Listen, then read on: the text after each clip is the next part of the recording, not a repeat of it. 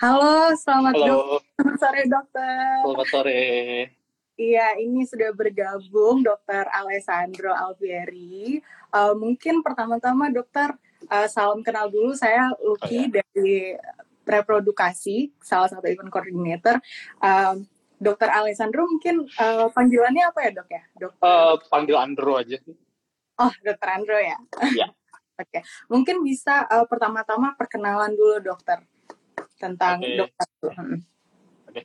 Uh, halo Lucky, halo teman-teman yang lain. Uh, perkenalkan apa saya Andro. Saya sekarang sedang sekolah residen di UGM PPDS untuk uh, dermatologi dan venereologi itu uh, kulit dan kelamin. Gitu. Oh. Sekarang saya semester satu dua tiga. Sekarang semester tiga kalau itu kan semua. Oh, untuk profesinya ya dok ya? Iya betul. Hmm, berarti uh, dokter banyak dong nih, apa namanya ber apa ya berkecimpungan juga dengan pasien-pasien gitu atau uh, apa ya uh, mengenai virus-virus yang ber mungkin infeksi-infeksi menular seksual yang, yang juga dengan alat kelamin seperti itu ya dok? Kalau pertama kali sih saya uh, kontak pertama kali tentang uh, tentang ilmu di kesehatan reproduksi atau di yang berkaitan sama HIV atau infeksi menular seksual itu memang ketika kuliah di FKUGM. Jadi hmm. saya tergabung di uh, CIMSA namanya Center for Indonesian Medical Student Activities. Uh, di sana saya masuk ke dalam suatu apa ya? Jadi ada standing committee gitu. Saya masuk si standing committee and reproductive health including AIDS. Di sana saya juga sempat jadi ketua skoranya UGM, kemudian pernah jadi di nasional juga, sama kemarin sempat di Asia Pasifik juga, sempat uh, jadi regional assistantnya. Gitu. Wow. Terus ya ya itu itu sih kontak pertama saya di dunia uh, kesehatan reproduksi ini. Uh, dan saya kemudian dapat uh, apa ya dapat keberuntungan lah saya bisa uh, ikut course uh, di Sydney, University of Sydney tahun 2018 itu juga tentang reproductive health, uh, tentang IMS dan HIV. Jadi waktu itu sama teman-teman dari Asia Pasifik juga. Oh begitu. Berarti ini pas banget ya dok ya. ya. Oke. Okay. Nah nomor kita untuk pembahasan di sore hari ini mengenai HPV dan juga vaksinnya. Nah Mungkin dok, um, sebenarnya kita dari reprodukasi sendiri selama semingguan kemarin dalam rangka HPV, International HPV Awareness, kita juga udah posting hal-hal yang berkaitan mengenai apa itu uh, eh, HPV dan vaksinnya gitu, apa saja pengaruhnya dan tipe-tipenya gitu ya. Nah, uh, mungkin teman-teman juga bisa cek apa saja itu dan HPV itu ada tipe-tipenya, bisa cek juga di feed kita. Dan uh, kita mau bertanya lebih jauh lagi mungkin tentang vaksinnya. Tapi pertama mendasar dulu buat mungkin teman-teman yang di sini yang belum tahu itu HPV secara uh, generalnya deh dok. Mungkin penjelasan singkatnya seperti apa dok? Ya, uh, pertama sih profisiat banget buat reprodukasi sudah mengangkat tema HPV ini karena memang Uh, mungkin kalau di negara berkembang atau negara ya uh, low income country atau middle income country untuk uh, eh, HPV ini memang tidak top untuk dibahas. Tapi memang ini pembahasan rutin kalau di negara yang memang lebih maju. Nah, uh, HPV sendiri ini sebenarnya itu suatu virus. Virusnya itu sebenarnya sangat umum kita temuin di uh, di dunia ini. Nah, virus itu bisa menginfeksi terutama kulit dan uh, mukosa dari tubuh kita. Tapi memang penularannya paling utama adalah dari uh, apa namanya kegiatan bereproduksi, hubungan seksual. Itu adalah uh, penularan utama dari virus HPV ini. Itu. Tadi mungkin sudah sedikit singgung tentang tipenya. HPV hmm. itu sampai sekarang tuh ada 100 tipe lebih yang wow. baru ditemukan dan itu mungkin akan ditemukan lebih banyak dan uh, beberapa tipe itu sudah diinfokan bahwa tipe itu ada yang low risk, yang resikonya rendah. Itu kalau kita keinfeksi biasanya akan jadi uh, kutil kelamin atau kalau pernah dengar namanya kondiloma acuminata atau jadi uh, kutil yang ada di kulit. Tapi yang lebih berbahaya lagi adalah yang high risk. Itu yang akan sebagai lesi-lesi prekanker atau yang akan menjadi uh, apa namanya kanker di kemudian hari yang paling sering sekarang adalah kanker cervix. Hmm. Oh seperti itu. Berarti dok kalau uh, kalau seperti itu maksudnya high risknya lebih kayak ke kanker serviks itu yang paling banyak ditemui gitu ya. Berarti apakah yang cuma rentan terjangkit HPV itu uh, hanya perempuan atau laki-laki juga bisa kena? Okay gini, uh, sebenarnya semua orang tuh bisa kena, baik perempuan sama laki-laki. Mungkin nanti kita akan di belakang nanti kita akan bahas tentang rekomendasi untuk vaksinnya ya buat laki-laki yeah. dan perempuan. Tapi pada umumnya perempuan dan laki-laki sangat bisa uh, terkena uh, eh, HPV ini, baik yang type yang low risk atau type yang high risk. Uh, hmm. Paling sering memang yang terkena adalah uh, tipe 6 dan 11 itu yang low risk itu yang biasanya nanti akan jadi kutil kelamin atau kondiloma acuminata. Tapi bisa pada pria uh, biasanya pada teman-teman yang imunodefisiensi dengan B20 atau teman-teman uh, eh, LSL itu uh, bila berhubungan seksual yang melalui anal itu juga akan meningkatkan risiko terjadinya kanker di anus. Gitu. Hmm. Jadi memang tidak hanya perempuan yang bisa terkena kanker karena HPV ini, tapi laki-laki juga bisa. Hmm, baik itu berarti uh, siapa pun juga bisa kena ya. Cuma kalau ya, laki-laki lebih uh, di bagian analnya seperti itu ya dok ya. Ya oke. Okay. Uh, terus dok kalau misalnya di Indonesia sendiri itu kasus HPV gimana dok? Maksudnya okay. mungkin kalau HIV atau AIDS itu kita udah uh, lumayan terangkat yang terdengar kayak gitu. HPV mungkin masih agak samar-samar. Gimana tuh dok?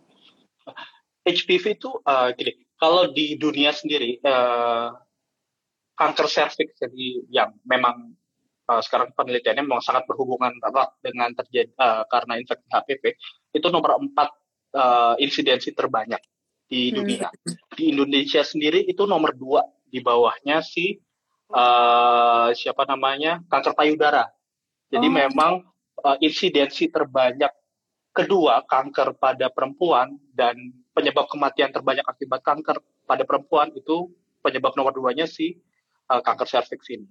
Sedangkan hmm. uh, kondiloma acuminata yang disebabkan oleh virus HPV atau kutil kelamin tadi yang disebabkan sama virus HPV itu uh, sangat sering uh, merupakan kasus infeksi menular seksual yang paling sering kita temuin di poliklinik uh, kulit dan kelamin.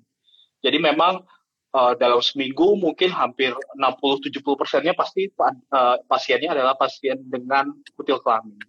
Tuh. Memang prevalensi dan insidensinya sangat tinggi sih, terutama pada uh, orang-orang dengan umur yang memang uh, aktif secara seksual. Oh gitu, wow ternyata tinggi juga ya dok ya. Iya iya. Cuma betul. mungkin beritanya masih kurang ini nih. Oke, okay, uh, Terus dok, gimana dok cara mendeteksinya dok? Kalau misalnya kita, kita pengen tahu nih, sebenarnya kita punya HPV hmm. apa enggak gitu? Cara mendeteksinya deh, bagaimana dok?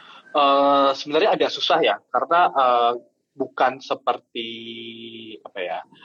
Uh, jadi gini, untuk kita bisa tahu uh, ada virus HPV atau enggak di dalam tubuh kita, kita harus pakai pemeriksaan namanya PCR, polymerase chain reaction. Uh, mungkin kalau pada hmm. dengar untuk swab PCR buat COVID. Nah, sebenarnya yeah. swab, nah, sebenarnya PCR ini bisa mendeteksi uh, banyak sekali kuman. Uh, salah satunya HPV ini. Nah, di hmm. HPV uh, di PCR ini kita kita periksa, kita diambil darah, diperiksa dalam PCR, kita akan bisa mendeteksi virus HPV apa saja yang sudah menjangkit tubuh kita. Kita bisa tahu tuh tipenya. Jadi beberapa laboratorium hmm. di Indonesia memang sudah ada yang bisa ngecek uh, PCR HPV ini tapi setahu saya sih maksimal cuma bisa sekitar 30 type yang kedeteksi. Padahal dari total 100 type. Hmm. Tapi untuk pemeriksaan, dan itu harganya cukup mahal. Uh, hmm. Untuk pemeriksaan sederhana sebenarnya sulit. Biasanya kita ketahuan kalau uh, kita uh, udah kena ininya, penyakitnya. Misalkan ada kutil di kelamin, ada benjolan di kelamin yang nggak jelas, atau ketika pap smear rutin uh, bagi para perempuan yang sudah aktif seksual bisa ditemukan. Jadi memang sebenarnya dan dan HIV ini jarang sekali ada gejala. dan itu yang menyebabkan hmm. sangat sangat sulit orang untuk aware dan jarang juga ya orang suka lihat kelaminnya sendiri di cermin melihat ada apa ada benjolan apa itu kan jarang sekali dan itu yang bikin si HPV ini uh, apa namanya uh, jarang terdeteksi ketika masih kecil. Hmm. Wah, berarti serem juga ya dok ya kalau misalnya ketahuannya ternyata udah di level yang uh, sulit yeah. disembuhin gitu. Tapi ngomong-ngomong HPV ini bisa disembuhkan nggak ya dok? Atau kayak bener-bener hilang gitu bisa nggak ya? Nah, uh, jadi memang untuk uh, pengobatannya sendiri memang sudah ada ya, apalagi untuk yang low risk seperti kondiloma acuminata, uh, kutil kelamin atau kutilan di kulit itu sebenarnya ada obatnya. Tapi untuk penelitian sampai saat itu sampai saat ini tuh memang belum ada informasi mengenai apakah ketika sembuh itu virusnya benar-benar nggak ada di dalam tubuh. Ada beberapa penelitian, studi yang bilang kalau sebenarnya uh, virus itu akan terus ada dalam tubuh kita, kalau imun kita jelek uh, akan kambuh kembali atau akan muncul suatu lesi baru. Tapi ada juga yang berpendapat bahwa kalau udah hilang ya hilang aja, nanti bakal bisa ya ke infeksi yang baru. Jadi sampai sekarang tuh belum ada uh, clear statement dari uh, penelitian yang untuk uh, jawaban tadi, untuk pertanyaan tadi. Berarti kalau misalnya emang sudah clear, itu diagnosanya benar-benar ketahuan ya emang udah clear atau dia bisa sembunyi juga gitu dok? Nggak terdeteksi? Nah itu uh, kalau dari misalkan yang paling gampang deh, yang dari low risk saja, yang dari kondiloma acuminata. Kalau kita uh, apa namanya kita terapi, dia bersih, di kulit udah nggak ada, ya kita akan anggap itu bersih kita akan evaluasi, hmm. evaluasi selama tiga bulan berturut-turut setiap bulannya. Kalau nggak ada lesi baru, ya anggapan kita akan bersih. Tapi kita hmm. nggak hmm. tahu sebenarnya di dalam dia itu sebenarnya HPV-nya ini cuma tidur aja, istirahat aja, atau benar-benar hilang itu kita belum bisa tahu. Oh gitu. Berarti uh, hampir mirip seperti HIV gitu juga ya dok ya? Bisa. Ya, ya. virusnya tidur. Betul, kalau ya itu itu hebatnya virus sih. Uh, kan banyak virus yang dorman di dalam tubuh kita. Hmm. Nggak cuma uh, apa namanya nggak cuma HIV, tapi virus-virus yang lain-lain juga banyak sekali yang dorman. Hmm, oke. Okay. Terus gimana sih dok sebenarnya pandangan orang Indonesia sendiri? Mungkin di klinik atau uh, bagaimana? Mungkin di, di studi dokter juga gitu. Apakah sebenarnya orang Indonesia itu uh, udah aware dengan HPV atau ini masih masih diusahakan dok seperti itu? Kalau buat teman-teman ya uh, teman-teman yang di teman-teman dengan HIV itu sangat aware sih, terutama tentang infeksi menular seksual. Mereka edukasi uh, pengetahuan mereka tentang infeksi menular itu sangat baik. Jadi memang uh, kalau ada yang aneh sedikit, ada yang berbeda sedikit, pasti teman-teman dengan uh, teman-teman Oda pasti langsung periksa. Cuman memang uh, ini di masyarakat umum secara general memang pengetahuan tentang HPV ini menurut saya sih masih cukup rendah sih. Biasanya orang-orang taunya ya uh, minimal lah taunya lah uh, HPV itu bisa kanker serviks, cuma itu aja. Tapi dia uh, banyak yang belum tahu kalau HPV ini ternyata bisa bermanifest di tempat yang lain, nggak cuma di serviks aja. Hmm. Ya berarti ini benar-benar se sebetulnya bisa sangat-sangat serius juga ya, bisa mematikan juga seperti itu ya bisa betul, betul. Nah terus baiknya dok dari dokter sendiri, maksudnya dari pandangan medis, uh, baiknya nih buat teman-teman kita yang mungkin di sini nonton, uh, mungkin ada yang sudah uh, aktif berhubungan seksual. Nah itu baiknya gimana dok agar terhindar dari uh, HPV ini? Uh, sebenarnya rekomendasi uh, pencegahan dari HPV itu sama kayak HIV, ABC, abstinence, be faithful, dan condom. Itu memang sama semua. Uh, tapi kita belum bisa tahu, misalkan dia sudah ketika kontak seksual pertama kali saja sih itu udah bisa ada risiko untuk terinfeksi HPV. Jadi memang hmm. untuk uh, teman-teman yang emang sudah uh, aktif seksual ya mau nggak mau kalau emang nggak mau ya taati ABC-nya itu. Tapi memang iya. sulit sih. Uh, iya, iya. Karena kan apa ya, kadang orang baru bertindak ya emang kita akan lebih aware ketika itu sudah muncul ya penyakit itu ketika udah jadi ya, itu betul. Kalau udah ada manifest di kulit kita betul. Nah, betul. Iya, untuk untuk apa saja kebanyakan seperti itu ya kita baru tahu gitu. Yeah. Nah, um, baik dok, kalau gitu kita pindah, uh, maksudnya kita move to uh, about vaksin ya dok ya. Jadi uh, untuk vaksin HPV sendiri itu tuh sebenarnya seberapa efektif sih dok? Apakah itu bisa menyembuhkan juga hmm, atau okay. Melindungi? Oke, okay. uh, sebelumnya kita ngomong uh, vaksin HPV, kita harus tahu dulu jenis-jenis vaksinnya. Jadi sekarang itu di dunia ini ada tiga vaksin uh, HPV. Ada yang namanya Cervarix, ada yang namanya Gardasil, dan ada yang namanya Gardasil 9. Cervarix ini itu dia cuma bisa mengcover dua tipe high risk dari HPV, yaitu tipe 16 dan 18 yang paling sering bikin kanker pada cervix. Nah, si Gardasil ini dia lebih hebat lagi. Dia bisa cover empat type dari yang dua uh, high risk si 16 dan 18 dan dua lagi si low risk 6 dan 11. Jadi kalau kita dapat suntikan yang Gardasil itu lebih uh, mantap lagi lah imun kita dalam menghadapi HPV yang low risk dan high risk. Yang hmm. ketiga itu ada Gardasil 9. Jadi dia seperti namanya emang 9, dia ada 9 subtipe. Slide 6 11 uh, 16 18 itu ada yang lain juga yang di cover terutama untuk yang high risk. Tapi uh, saya setahu saya uh, Gardasil 9 ini itu belum banyak ditemui di Indonesia. Jadi di Indonesia ini yang paling sering digunakan adalah Cervarix dan uh, Gardasil yang empat. Nah, uh, uh. dari penelitian yang ada itu sebenarnya uh, keefektifan si vaksin ini dalam mencegah, terutama dalam mencegah high risk uh, HPV type ini itu sangat baik. Jadi dia sudah diuji cobakan di banyak sekali penelitian, banyak banget penelitiannya itu uh, memang dia ampuh untuk uh, dalam studi pro prospektif dilihat ke depan itu sangat mampu mencegah terjadinya uh, menurunkan resiko terjadi insidensi uh, kotil kelamin yang dari low risk atau uh, kan kanker cervix yang dari high risk. Nah, tapi di Indonesia sendiri sih ini sebenarnya hitungannya masih uh, vaksin baru ya. Jadi hmm. baru bis, baru ada itu baru diperkenalkan tuh saya uh, kalau tidak salah tuh sekitar tahun 2014 atau 2015 ya. Itu tuh baru diperkenalkan di anak-anak SD waktu itu percobaannya. Uh, dan sekarang sih lumayan uh, udah menjadi salah satu vaksin yang didapat di kelas 5 dan kelas 6 SD pada saat dia sekolah dan bisa dibeli juga secara apa secara mandiri di rumah sakit atau di klinik. Hmm, seperti itu. Oke, okay, uh, berarti kan tadi apa namanya ada banyak tipe-tipenya itu sendiri ya dok kan? Apakah uh, tipe-tipe itu dengan nomor-nomornya itu adalah okay. sesuai dengan range low risk to high risk atau bagaimana dok? Ah, oh, maaf, boleh diulang gimana? Jadi kan uh, tipe-tipe uh, HPV itu kan uh, ada hmm. dari low risk dan high risk. Tapi kan hmm. lebih lagi ada tipe 6, tipe 9 seperti nah. itu ya nomor-nomor. Apakah itu juga sesuai dengan tingkatannya atau emang oh. itu medisnya? Uh, untuk penamaannya maksudnya ya. Hmm.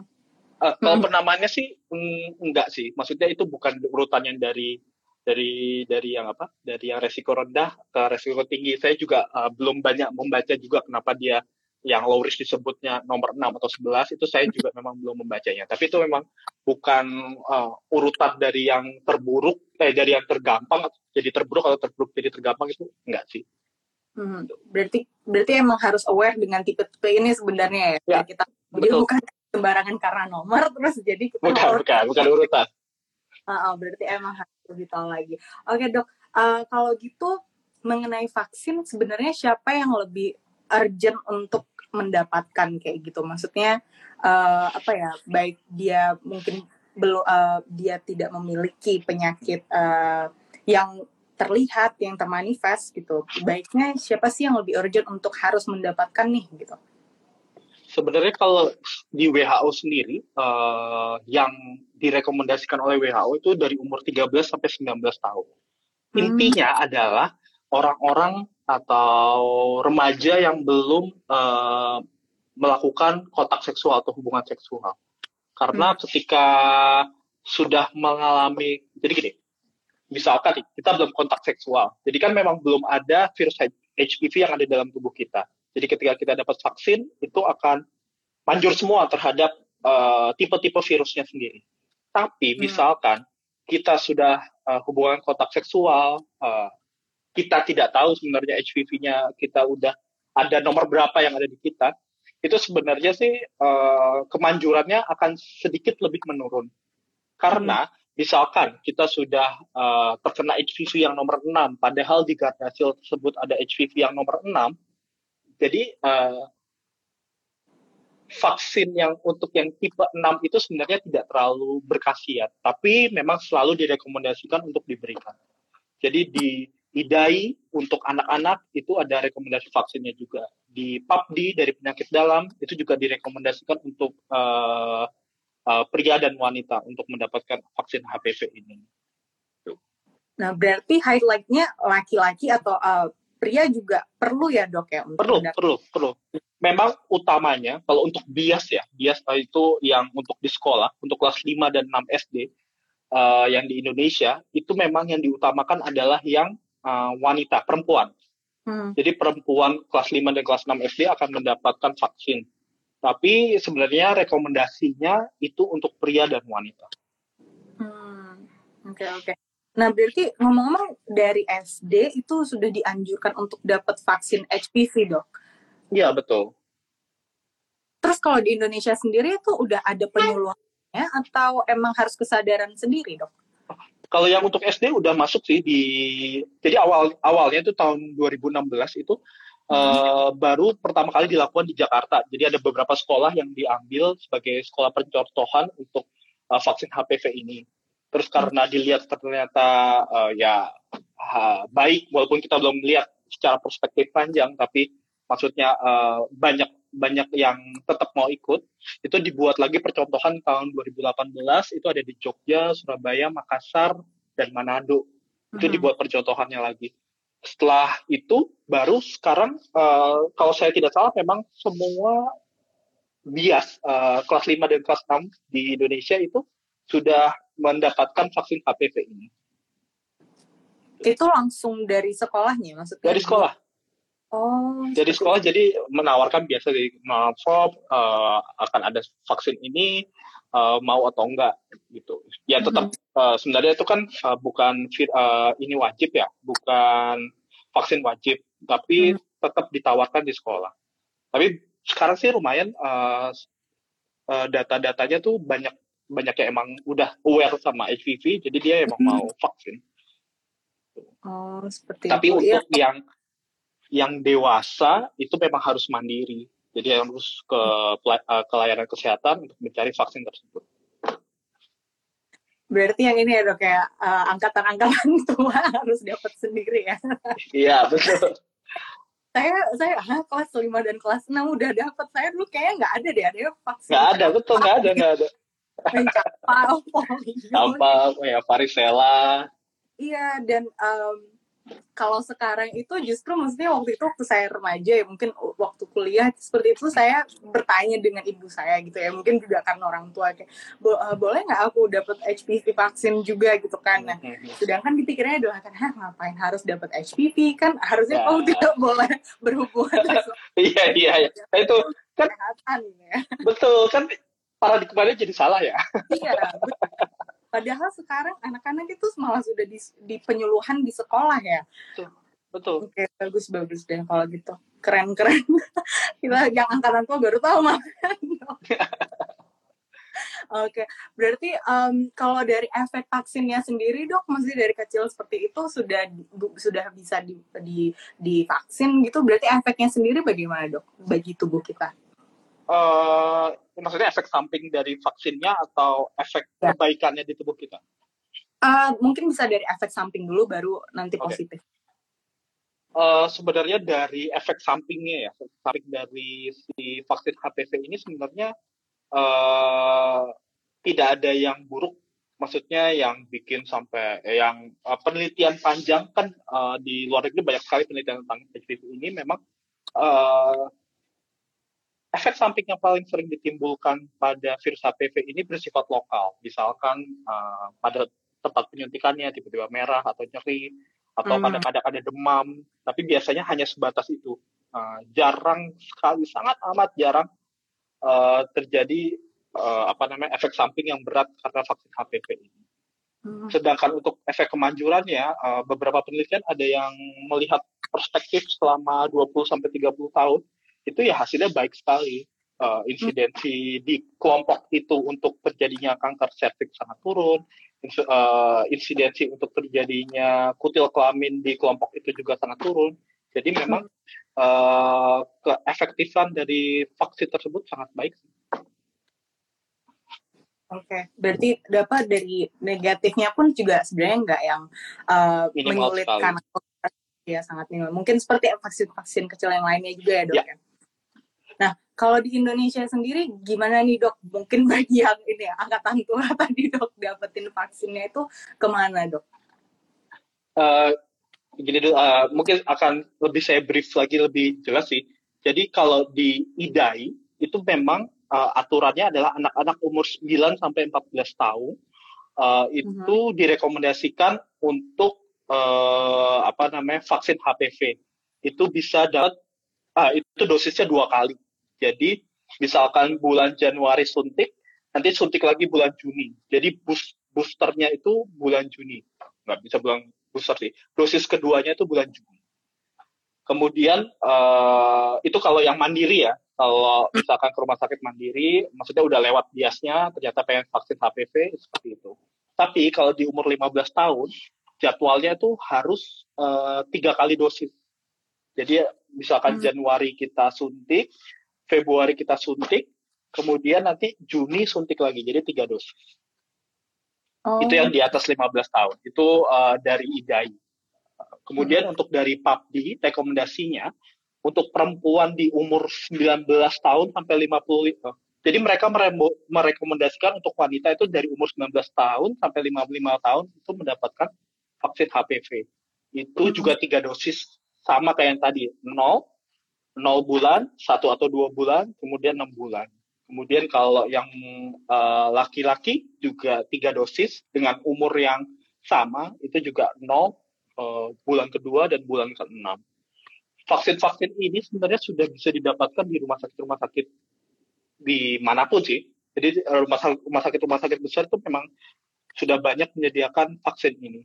Tapi ya memang untuk kosnya itu ya cukup cukup mahal dan itu juga sebanyak tiga kali. Berapaan itu dok kira-kira dok rata-rata? Uh, saya lupa untuk harga terupdate-nya, tapi kurang lebih sih antara satu sampai satu setengah per dosisnya, sekitaran per, segitu, per satu dosis. Berarti satu kali ini ya vaksin ya, kalau harus satu tiga, kali suntik tiga kali itu ya harganya. Iya betul, tapi uh, dengan harga segitu melihat keefektifannya di waktu yang mendatang, ya hmm murah. Beda ya, banget kalau misalkan kita kena ke kanker serviks itu akan panjang sekali uh, perjalanan penyakitnya, terapi-terapi yang harus dijalanin, pemeriksaan-pemeriksaan yang harus dijalani itu panjang banget. Ya udah mendingan vaksin daripada uh, apa namanya dapat CA serviks kan. Iya, seperti pepatah ya dok, lebih baik mencegah daripada mengobati. Nah, iya benar banget. Iya, Benar, benar, benar. Berarti penyebaran vaksin sendiri di Indonesia itu sudah cukup merata ya dok? Atau hanya di kota-kota besar dok? Hmm, kalau di Jawa, Bali, Sumatera itu pasti ada. Tapi saya memang tidak tahu untuk daerah daerah-daerah lain ya seperti uh, Papua, uh, Sulawesi, Ambon, eh, Maluku. Hmm. Itu saya kurang tahu untuk kesediaan uh, stok vaksin mereka. Tapi yang pasti sih di ibu kota provinsi masing-masing di rumah sakit besarnya pasti ada sih harusnya. Hmm. Oh seperti itu. Iya kebanyakan berarti di rumah sakit besar ya. Kalau misalnya kayak di ya. poliklinik ya. atau di puskesmas seperti itu, apakah sudah ada penyuluhannya juga? Kalau di uh, kalau di uh, puskesmas mungkin penyuluhannya ada ya, cuman untuk ketersediaan vaksinnya mungkin belum ada ya. Jadi memang hmm. harus di rumah sakit jadi memang kalau di puskesmas itu mungkin untuk program biasnya untuk uh, apa yang dari untuk anak-anak sekolah itu mungkin bisa dari uh, dari dari puskesmasnya. Cuman untuk uh, kita mandiri mau vaksin di puskesmas sepertinya belum bisa ya untuk HPV ya. Oh seperti itu. Iya iya iya. Berarti um, kalau misalnya sudah kena dok misalnya uh, mungkin sudah melakukan uh, identifikasi awal gitu ya. Mungkin belum sampai manifestasi gitu tapi ternyata sudah tahu diagnosnya bahwa uh, punya HPV nih. Nah itu baik uh, untuk gimana ya untuk apakah ada obatnya atau untuk menjaga agar si virus itu tidak uh, semakin kuat atau menyerang yang lain itu ada nggak dok uh, obatnya? Atau bagaimana? Nah itu untuk HPV itu seperti tadi saya bilang orang bahkan aware kena HPV itu ya kalau udah ada manifestasi klinisnya. Paling hmm. sering misalkan yang kondiloma itu uh, apa kutil kelamin. Kalau udah uh, ada kutil kelamin kita mendiagnosis itu adalah kutil kelamin uh, ya tapi kita belum tetap belum tahu juga uh, si ininya apa namanya uh, kutil kelaminnya dia kena yang tipe apa apa tipe 6 apa tipe 11 hmm. apa tipe yang lain kita juga belum tahu harus di cross check hmm. kalau mau itu ya pakai uh, eh, PCR tadi PCR untuk mencari uh, virus HPV-nya. Hmm. Uh, yang penting lagi adalah yang saya mau memberikan informasi kepada wanita yang sudah aktif seksual, hmm. tapi belum pernah uh, belum pernah apa namanya belum pernah vaksin HPV itu harus melakukan pap smear di umur ke 30 tahun. Jadi misalkan wanita itu sudah menikah di umur 24, 25 tahun, tapi belum pernah vaksin HPV, sudah pernah melahirkan, sudah berhubungan seksual, di umur 30 tahun itu mau nggak mau sih, dan harus disadari kalau untuk harus lakukan pap smear. Di pap smear itu, uh, utamanya emang untuk mencari apakah ada lesi dari uh, lesi-lesi prekanker dari lesi prekanker atau lesi-lesi yang uh, gambaran di serviks itu yang bisa bikin jadi kanker. Kalau kita ketemu sesuatu di situ, uh, ya nanti kita harus uh, konsultasi dengan dokter objin, dokter kandungan. Kita akan melakukan terapi secepatnya untuk mencegah si lesi tersebut berkembang jadi kanker yang lebih berat. Hmm. Kalau misalkan di umur 30 pap smearnya pap smearnya bagus, uh, nanti pap smear tersebut bisa diulang setiap 3 sampai 4 tahun.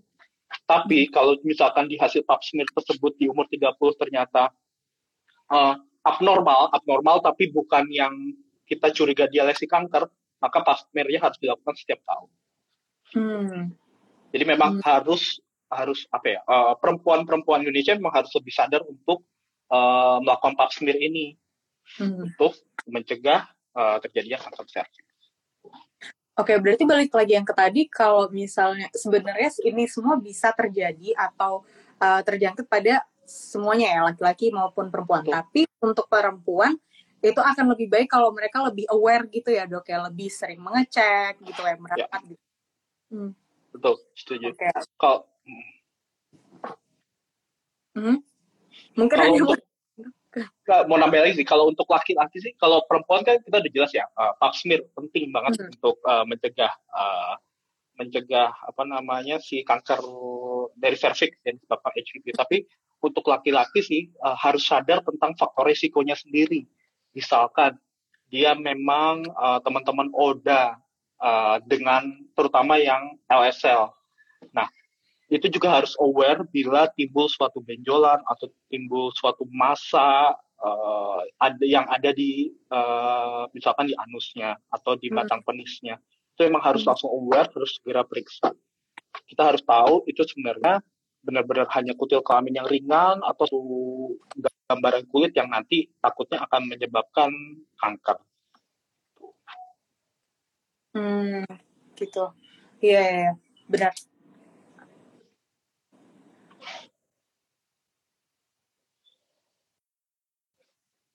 Eh, so, sorry putus ya? Bung ya? Masih, masih, masih. Sorry, sorry. Enggak, ini tadi ada ada ada ada call masuk. Jadi agak aku pause gitu. Oke, okay, iya iya dok.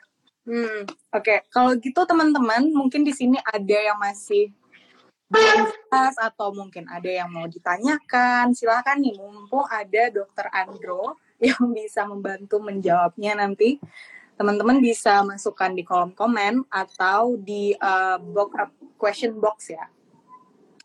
Mungkin ada teman-teman yang ingin bertanya, bisa silahkan dimasukkan di kolom komen atau question box. Oke okay, dok, uh, kalau gitu ada beberapa pertanyaan kemarin sebenarnya di post feed kita. Jadi ada yang bertanya tadi kan um, kalau yang dianjurkan atau direkomendasikan, misalnya tadi uh, kalau dari yang idai tadi dari 9 sampai 14 tahun. Nah, um, kemarin juga kita mendapatkan uh, dari research kita itu uh, sampai umur 26 tahun. Nah, ada yang uh, komen ya, ada yang nanya. Nah, kalau misalnya batas maksimumnya adalah 26 tahun, apakah kalau setelah 26 tahun tidak bisa mendapatkan vaksin atau apakah mungkin ada efeknya yang lebih berbeda gitu atau bagaimana atau sama saja, Dok? Uh, kenapa? Jadi gini, seperti yang tadi sudah disampaikan bahwa virus HPV ini memang hubungan uh, karena hubungan kontak uh, menular lewat hubungan kontak seksual mungkin memang perbedaan paradigma tentang kontak seksual ya di Indonesia atau di negara barat. Di negara barat, eh, anak-anak uh, dari umur uh, 16-17 tahun itu sudah akan melakukan kontak seksual pertama kali. Beda dengan di Indonesia yang memang secara budaya dari budaya budaya uh, kita kontak seksual ya normalnya setelah menikah. Hmm. Nah, makanya rekomendasi umurnya itu uh, sedikit berbeda Hmm. Ketika dia 26 tahun tapi belum uh, hubungan kontak seksual, uh, si, si siapa namanya vaksin HPV ini ya sangat sangat amat baik buat dia, efektif banget. Hanya saja ketika dia sudah kontak seksual, mungkin keefektifannya akan berkurang karena pengaruh cover uh, apa? pengaruh cover dari tipe HPV yang di cover dari HPV, uh, HPV vaksinnya. Tapi tetap hmm. selalu direkomendasikan untuk vaksin HPV.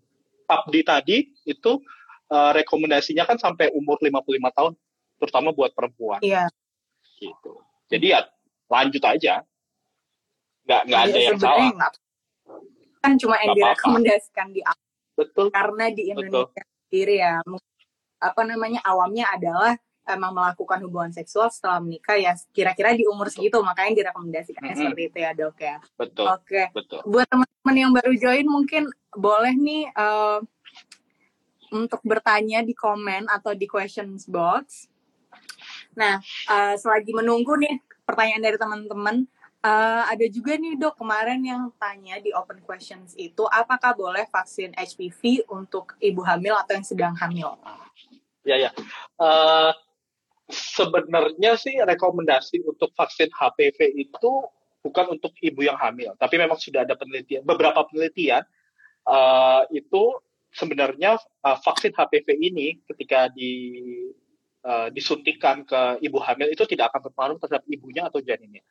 Hanya, uh, hmm. tapi biasanya virus HPV yang diinjeksikan ke ibu hamil ini itu karena ibu hamilnya tidak tahu kalau dia lagi hamil, ibunya tidak tahu kalau dia lagi hamil. Oh. Jadi misalkan masih hmm. hamil muda, yaudah mau vaksin HPV aja deh, suntik, terus nggak lama dia baru tahu ternyata dia uh, hamil. Nah itu hmm. uh, nggak apa-apa, maksudnya nggak apa-apa tuh uh, vaksinnya itu tidak akan menyebabkan kelainan pada janin atau kelainan uh, apa emergensi kebidanan terhadap ibunya. Tapi memang kan dosisnya harus tiga kali dosis kedua dan ketiganya itu tidak boleh dilanjutkan. Jadi nanti tunggu setelah kehamilannya selesai.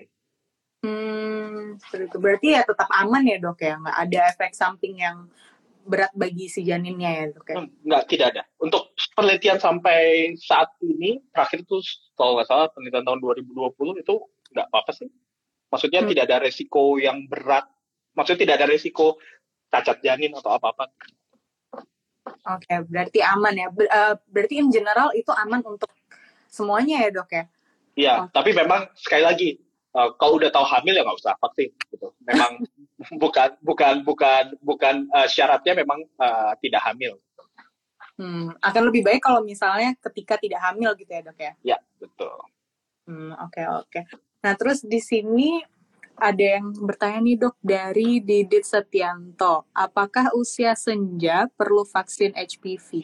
Usia senja itu maksudnya usia muda kali ya dok ya? Usia senja bukan usia tua ya, lansia ya.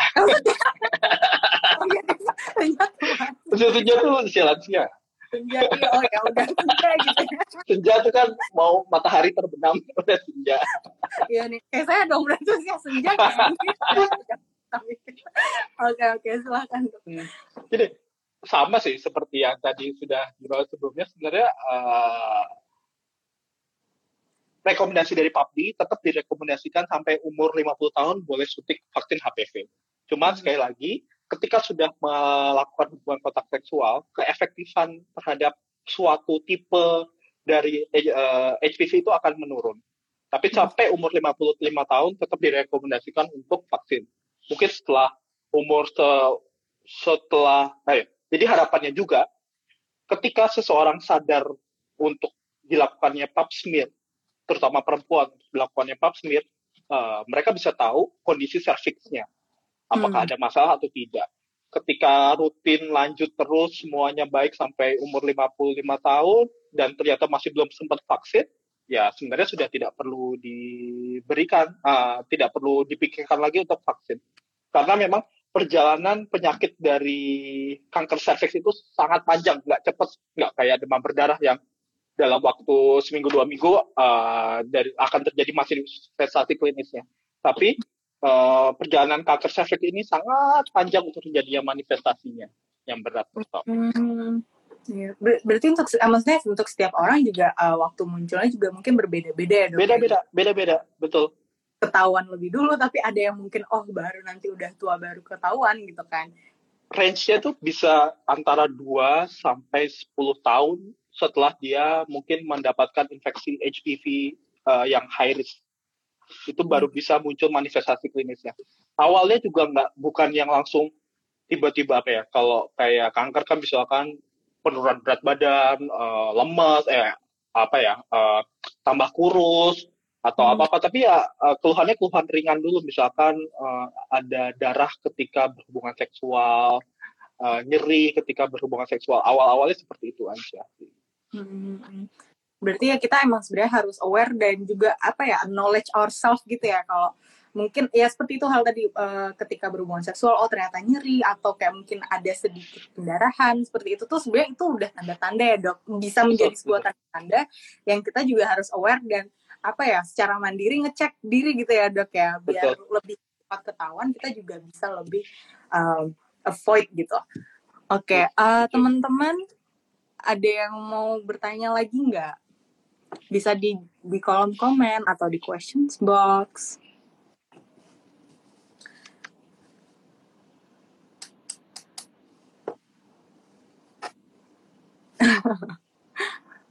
Mungkin buat yang baru pada join, kita tadi udah uh, ngomongin banyak dari awalnya tipe-tipe HPV juga dengan vaksinnya bahwa semuanya baik perempuan maupun laki-laki kalian sebaiknya apakah ini wajib dok? Atau sebaiknya masih ini dok? Kalau perempuan sih menurut saya wajib ya. Wajib ya. Nomor dua loh kanker nomor dua loh kematian yeah. nomor dua loh di Indonesia loh kan nggak nggak main-main lagi sih kalau perempuan sih menurut saya sih wajib ya hukumnya ya. hmm. ya tapi itu udah selalu pasti dari HPV atau bisa juga karena hal lain, misalnya rahim? Kalau sebenarnya kalau kanker kan penyebabnya multifaktorial banget ya. Jadi hmm. bukan karena suatu hal aja. Misalkan kayak kanker nasofaring. Kanker hmm. nasofaring itu juga bisa uh, kanker orofaring, nasofaring itu juga bisa disebabkan karena infeksi HPV. Hmm. Tapi uh, harus multifaktorial misalkan dia ada resiko merokok uh, dia uh, riwayatnya merokok kemudian dia juga punya keturunan yang kanker jadi memang tidak bisa dilihat hanya oh uh, kanker itu cuma karena HIV nggak bisa kita harus lihat secara whole secara keseluruhannya karena memang itu kanker itu multifaktorial sekali dan HPV adalah salah satu faktor resikonya saja. Hmm. Nah, tadi dok berarti karena emang benar-benar apa ya ibaratnya ya ini juga high risk ya dok ya sebuah uh, concern juga buat kita karena itu nomor dua tadi ya angka kematian dari uh, ya kanker rahim atau juga bisa itu dari HPV itu di Indonesia. Nah sedangkan harganya sendiri mungkin agak gimana ya mungkin tadi emang sarannya adalah ya daripada kita nanti kena kankernya itu bakal lebih mahal lagi tapi ya. maksudnya untuk raise awarenessnya juga biar orang uh, apa ya lebih oh oke okay deh aku bakal dapetin deh si vaksinnya. Tapi kan sedangkan di Indonesia sendiri untuk range harga segitu mungkin untuk orang awam atau dengan yang uh, ekonominya kurang itu tuh masih melihatnya jadi ya udahlah mungkin nanti aja deh gitu. Malah jadi meng ini kan kan. Nah bagaimana tuh dok? Baiknya dok. Itu, apakah uh, dari dokter-dokter untuk mengurangi wow itu bukan keluar dari harga dokter maaf itu dari pabriknya sendiri. Saya tidak bisa apa-apa, mohon maaf. Gak, jadi gini, jadi dari awal sih kita, uh, saya sudah sempat uh, jelasin sih, itu adalah problem terbesar yang terjadi di negara-negara berkembang dan negara-negara miskin. Karena uh, kesannya, kesannya dalam tanda kutip kesannya itu si uh, penyakit akibat HPV ini tuh penyakit bikin ya kasarnya ya, bikin matinya tuh lama beda kayak uh, varicella atau uh, apa vaksin-vaksin yang udah ada dari sekarang uh, BCG buat apa namanya buat TB tuberkulosis itu memang ketika kita terinfeksi apalagi kita belum kena vaks, uh, belum dapat vaksinnya belum dapat imunisasinya uh, resiko kematian akan sangat tinggi itu yang menyebab uh, itu memang salah satu hal yang sulit dan masih akan dicari jalan keluarnya di negara-negara berkembang dan negara miskin. Tapi ada beberapa negara miskin, negara berkembang yang uh, waktu itu mendapat melakukan uh, di mendapatkan keberuntungan lah. Mereka mendapatkan fund yang besar untuk uh, vaksin HPV ini. Uh, dan ternyata di negara miskin dan negara berkembang itu juga keefektifannya juga sangat baik. Gitu. Uh -huh. Jadi ya uh, yang bisa dipikirkan adalah sekarang adalah meningkatkan awareness orang-orang tentang adanya HPV, bahwa HPV itu ada vaksinnya, dan di, harus diinformasikan juga bahwa vaksinnya tersebut bukan untuk bukan untuk menyembuhkan, tapi untuk mencegah. Dan itu yang harus didorong kepada anak-anaknya. Hmm. Jadi ketika ada uh, di sekolah anak-anaknya ditawarkan untuk vaksin HPV oleh pihak puskesmas atau pihak uh, apa namanya pihak uh, Kementerian Kesehatan itu ya harus mau ketika hmm. orang tua itu sudah aware dengan uh, dengan HPV ini dengan vaksin HPV ini kan itu uh, akan membantu uh, apa namanya masa depan anak-anak yang ada sekarang itu.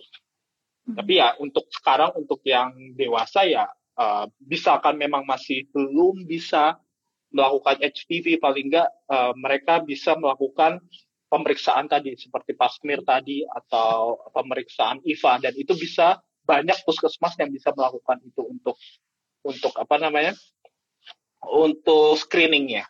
Hmm. Jadi sebenarnya uh, apa ya di mana-mana ya udah udah ada gitu ya dok ya. Uh, kalau misalnya yang tadi yang di SD itu atau misalnya yang untuk anak kecil di sekolah itu emang sudah dari program pemerintah atau hmm. bagaimana dok? Program pemerintah kok itu kelas 5 dan kelas 6 SD. Jadi dia dapat suntiknya oh. dosis pertamanya kelas 5, terus kalau nggak salah dosis keduanya kelas 6. Hmm, gitu. Berarti buat bunda-bunda atau ayah-ayah yang ada di sini nanti kalau misalnya anaknya di, di ditawarin untuk uh, vaksin HPV ya terima aja ya betul harus mau mm -mm. untuk ya maksudnya untuk kita melihatnya long term lah untuk nanti mana betul. tahu tuanya lebih baik sudah kita sudah punya uh, shieldnya gitu ya di tubuh kita Oke, okay, ini ada pertanyaan lagi nih dari Didit Setianto. Setiap berapa tahun sekali sih vaksin HPV harus diulang lagi? Oke, okay. uh, eh, yang tadi uh, eh, HPV itu tidak harus diulang setiap tahun atau setiap periode tertentu, tapi harus dilakukan secara sesuai jadwalnya. Jadi ada untuk satu course vaksin itu ada tiga dosis yang harus dilakukan, yaitu pada bulan ke nol, misalkan kita Januari kita suntik, nanti Februari suntik lagi, nanti bulan uh, Juni kita suntik lagi. Udah, habis itu selesai, kita nggak usah vaksin lagi sampai kapan. Sekali itu aja course-nya. Hmm, oke Okay.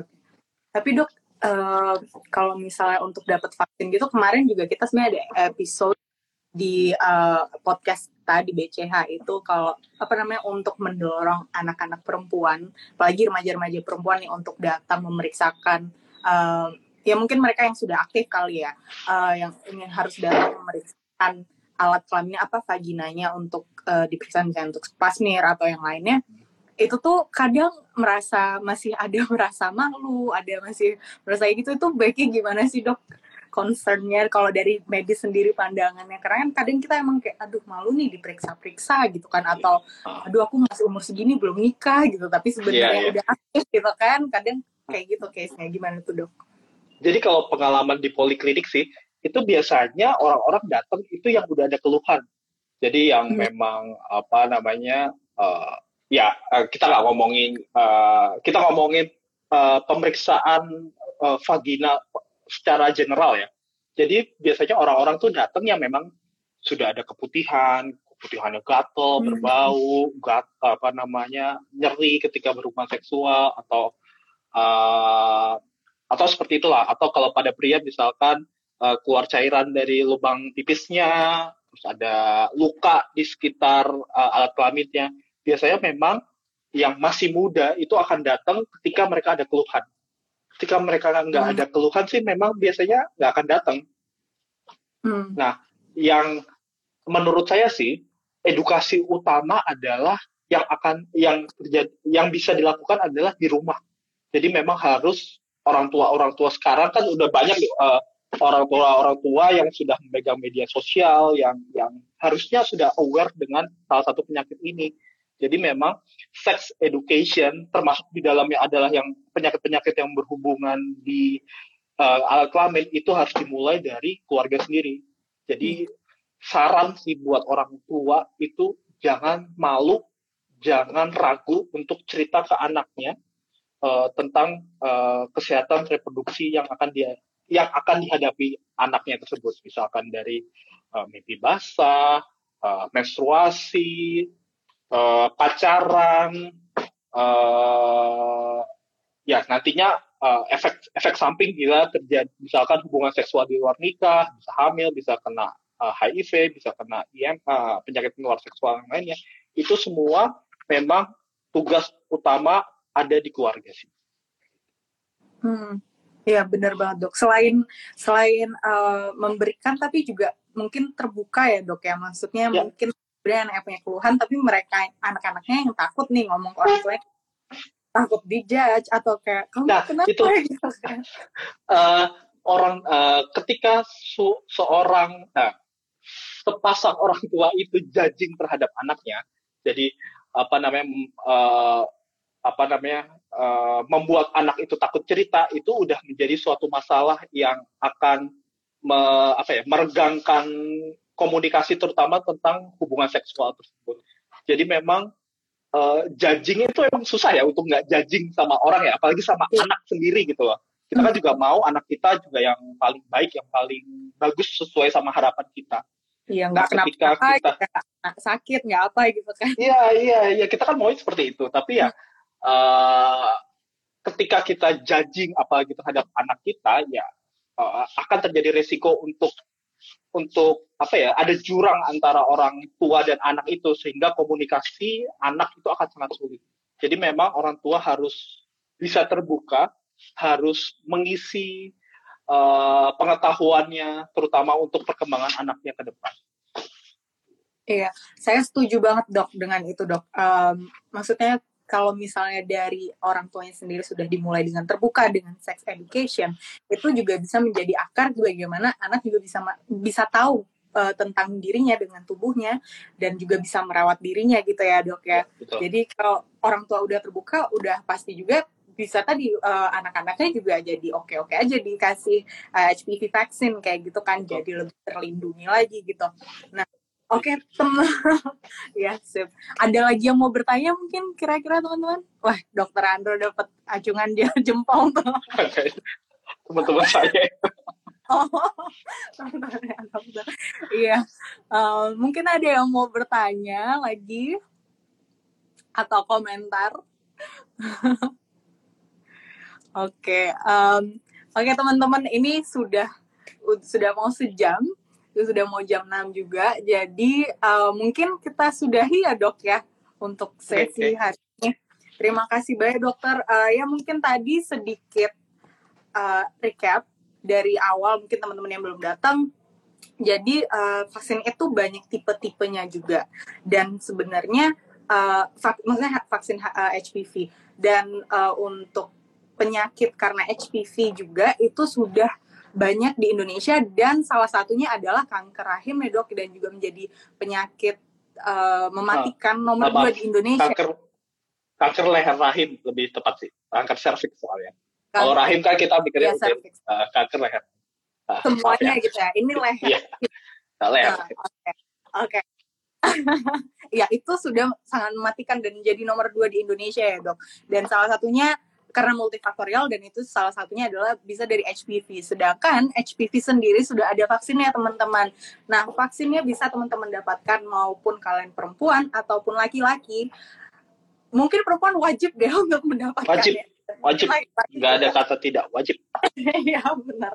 Dan untuk uh, apa ya kalau misalnya emang aktif ya secara mandiri ceklah uh, organ kalian gitu kesehatannya bagaimana dan jangan lupa bahwa uh, lebih baik mencegah daripada mengobati jadi meskipun meskipun memang terdengarnya agak uh, agak juga untuk dapat vaksinnya tapi mending kalian dapat vaksin deh daripada nanti kalau tiba-tiba amit-amit di belakangnya akan kena itu malah pengobatannya jauh lebih banyak juga seperti itu. Ya jangan sampai sakit deh teman-teman gitu ya. Ya betul. Semoga um, ya semoga uh, hari ini apa yang kita omongin tentang HPV dan vaksinnya itu bisa mengedukasi teman-teman, bisa membantu teman-teman untuk lebih aware tentang HPV yang mungkin teman-teman mungkin ada yang baru dengar juga nih tentang HPV ya kan untuk yang angkatan-angkatan tua yang tidak dapat vaksin waktu SD.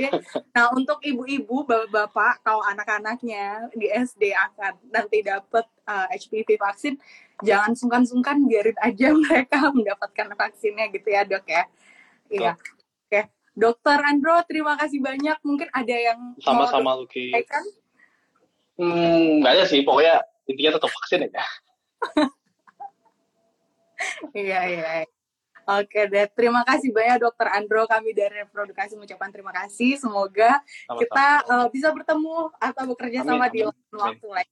Terima kasih amin. banyak Dokter untuk waktunya. Thank you, Ki, teman-teman Reprodukasi. Iya, terima kasih juga teman-teman yang sudah menonton hari, uh, hari ini. Semoga malam minggu kalian menyenangkan. Tetap jaga kesehatan dan uh, ya selalu gunakan masker. Oke deh. Oke, terima kasih dok. Bye semua. Ya, sama-sama. Bye.